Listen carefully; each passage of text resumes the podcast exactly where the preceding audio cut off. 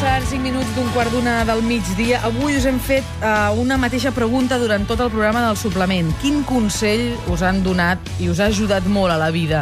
Des de primera hora que en Xavi i la Núria recullen els correus, els comentaris i les trucades dels oients i, si us sembla, és l'hora de posar-los damunt la taula i fer-los conèixer la resta d'oients. Som-hi?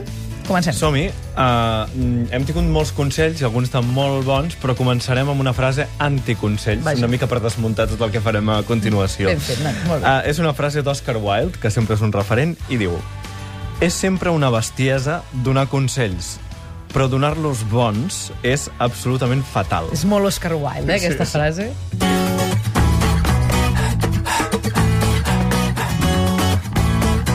Una de les més matineres a explicar-nos els consells que li han donat ha estat la Maria Antònia. El consell que em va donar el meu pare quan era petita va ser si en guanyes 10, gasta't en 5.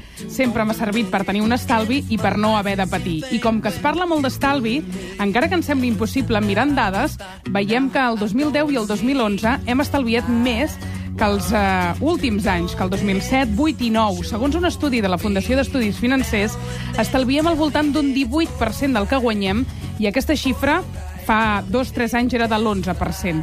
D'on retallem? Doncs sobretot amb les assegurances de vida o del metge. En segon lloc, deixem d'anar a l'odontòleg amb tanta freqüència. En tercer lloc, l'assegurança de la casa a tot risc. O rebaixem les clàusules o directament l'eliminem de les nostres despeses. I per últim, en quart lloc, deixem de portar el cotxe a fer la revisió. Flors de baladre en un torrent però no passa mai sa gent En Salvador Riera li va canviar la vida la frase que va pronunciar Joan Manuel, Joan Manuel Serrat quan li van diagnosticar un càncer. Va dir, l'important a la vida no és el que et passa, sinó com afrontes el que et passa. El Salvador ens ha enviat un correu electrònic molt bonic on relata que li van diagnosticar Parkinson, li va costar d'acceptar-ho i un cop ho va fer es va descobrir una part desconeguda d'ell mateix. Es va sorprendre escrivint poesia i fent fotografia.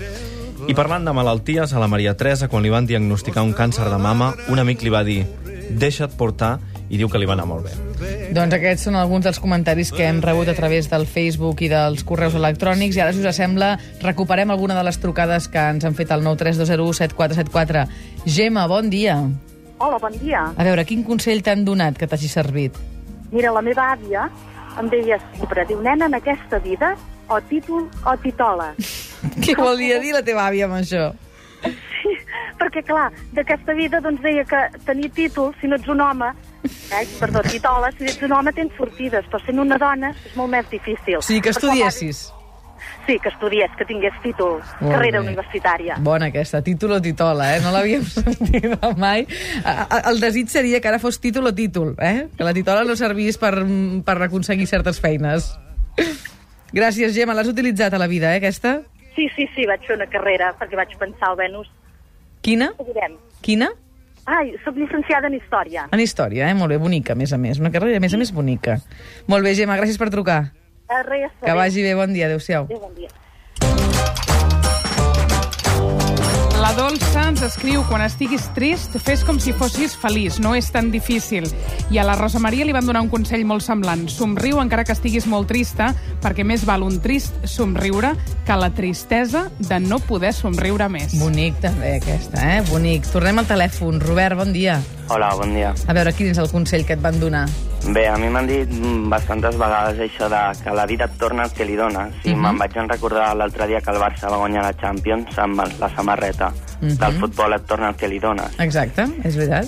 Mm, Jo sóc estudiant i moltes vegades tots sabeu que hi ha professors que no acaben de funcionar bé amb tu, no? I jo penso, bueno, en un futur ja, ja te'n recordaràs dels bons professors i d'aquests que no has estat tan a gust, doncs ells no tindran la seva recompensa perquè no, no es veuran satisfets amb la seva feina. És Has tingut això. una mala experiència, tu, eh, amb un professor, últimament? Sí, sí, amb un professor he tingut una mala experiència, però mm, m'he portat bé amb tots els altres, és a dir, no... Bé, això... Molt bé, doncs ens agrada el teu consell, de fet ens l'aplicarem i visca el Barça. Suposo que Visca ets el el Barça, Barça. visca el Barça. Vinga, Robert, que vagi molt bé. Molt bé, Una abraçada. gràcies. gràcies per trucar, adéu. Adéu. El psicòleg Richard Wiseman explica en un capítol del programa Redes que dirigeix Eduard Ponset. Quan t'obligues a somriure, això t'anima, et fa sentir més feliç. Això sí, s'ha de mantenir el somriure entre 10 i 15 segons, com a mínim. I si cal, el pots forçar. O bé, pots aguantar fins i tot un bolígraf entre les dents perquè la cara adopti la posició del somriure. Els estudis demostren que és molt eficaç. És una idea, evidentment, molt simple, però molt poderosa, diu. Per acabar-ho de rodonir, un proverbi escocès que diu el somriure costa menys que l'electricitat i dona més llum. Bonic, aquest, aquest proverbi. També a mi l'altre dia me'n van dir un, també, eh? En aquesta casa, a més a més, me'l van dir. Em van dir, mira, quan tinguis un mal moment, poses el cap entre les cames i somriu. I aleshores intenta de pensar alguna cosa dolenta. Veuràs que no pots. Mm. I ho he aplicat. I és les, veritat. les teves cames, no? A poder ser, sí. No, de fet, aquest gest tampoc és No cal, no, important. aquest no cal fer-ho, no. Ah. Cal somriure, per exemple, com- cal concentrar-se, no? És impossible. Somriure i pensar una cosa dolenta. És molt complicat. I, de fet, t'alegres una miqueta. Què passa, Xavi? No, que trobo que posar el cap entre les cames que No pots fer-ho? fa una mica mal. Home, Vull dir que és... per què t'has quedat amb aquesta part de la frase? No era la important. Sílvia, bon dia. Hola, bon dia. A veure, quin consell et van donar? A mi sempre deia la mare, que, i era el que deia l'àvia també, que mai deixis créixer l'herba a la porta de casa. Pots tornar-ho a repetir perquè no t'ho hem sentit bé, això? No deixar mai créixer l'herba a la porta de casa. Molt bé. Sigui, acollir la gent, obrir els braços a tothom, que quan tu els necessitis sempre hi haurà algú que te'ls obri a tu. I torna'm a dir qui te'l va dir, aquest consell, la mare? La mare, perquè era una cosa que deia molt la meva àvia també. Uh -huh. Tens fills o que filles, sempre- tu? Sí, tinc un fill. Ja li hauràs I d'explicar, també, tu, I eh? també, també. És que el meu fill tot això ho fa multiplicar. Nosaltres som una gent que sempre hem acollit molt els altres. Ahà. I, i, I vull dir, el meu fill també ho, ho continua fent. Molt bé, per tant, aquest consell transgeneracional està arribant molt lluny, eh? Arribant, sí. Quarta generació ja, molt bé. Ho celebrem, Sílvia, gràcies. Bé, Que vagi bé, bon dia, adéu-siau. Bon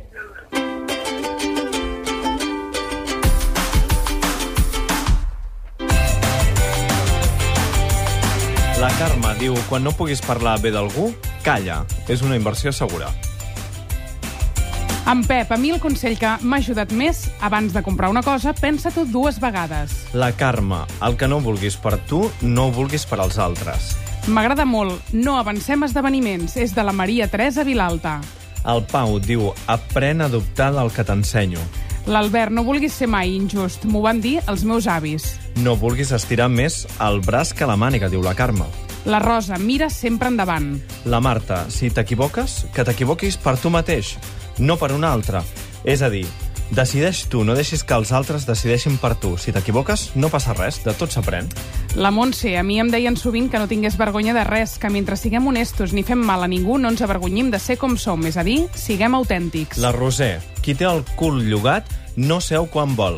I quanta raó que té. La Victòria, el consell que li van donar és que no critiques mai ningú i confies amb els altres només veient la part bona de tothom. I diu, uf, seguir-ho a vegades costa, però som-hi. La Carme diu, la feina ben feta no té fronteres. Sigues treballadora i honesta i tot anirà bé. Firmat Franzina. De fet, aquest mateix consell li van donar a la Montse, l'abat Aureli Marià Escarrer, quan marxava exiliat, i li va dir, sigues honesta tota la vida. Estem fent un recull de tots els vostres consells que avui ens heu deixat en el Facebook, el correu electrònic i el telèfon del directe. I ara hem recollit alguns consells i frases dels nostres pensadors més estimats. El divorci és un camí cap a la felicitat, ho diu el psiquiatre Luis Rojas Marcos. Sense emoció no hi ha projecte, ho diu Eduard Ponset. A vegades es guanya i a vegades s'aprèn. Àlex Rovira. Viu el dia d'avui com si fos l'últim, Francesc Torralba. Per mantenir-nos joves, hem d'estar en un estat permanent de curiositat intel·lectual. Salvador Pànicar. Núria, bon dia. Hola, bon dia. A veure, quin és el consell que et van donar, que t'ha servit a la vida? Doncs mira, els pares em van donar un consell, que no jutges mai a ningú. Uh -huh. que només que podia opinar, donar el meu criteri, però no jutjar. Perquè si els jutges ja tenien feina a donar una, bueno, fer una sentència, el que fos, de nosaltres, amb l'entorn nostre, doncs a vegades no ens comportàvem bé, i érem una família normal. Doncs en un altre entorn no podíem opinar. Podíem opinar però no jutjar mai a cap persona. Difícil, eh, per això a vegades, això, Núria, no? Sí, el però- judici a vegades surt sol, sense Sí, haver-lo pensat. Sí, és, és qüestió de dir, bueno, no saps tu en aquell lloc, en aquell entorn, en aquest, en aquest entorn familiar, què, què faries o com hauries actuat. Mhm. Són moltes coses que t'envolten. És veritat que si reps el consell, però intentes aplicar-lo amb més facilitat. Doncs moltíssimes gràcies, Núria, per haver trucat. A vosaltres. Que vagi Adéu, molt bé, bon bon dia. dia. Adéu-siau. I moltes gràcies també a tots els que heu volgut participar d'aquesta pregunta del dia a través de les tres vies de comunicació. Al final del programa sortejarem, com hem dit, aquest dinar o sopar per dues persones al restaurant Aliguer de Manresa. Jo, nois, em quedo amb un, eh? De tots els que... Avui me'n quedo un Quin? per aplicar-me a la vida, de tots els que heu dit. Un que ens ha, ens ha portat el Pau. Aprèn a dubtar de tot el que t'ensenyo. Aquest me'l quedo avui. Molt bé. Doncs vinga, va, petita pausa per la publicitat i que entrin, sí, que entrin ja les 33 senyores.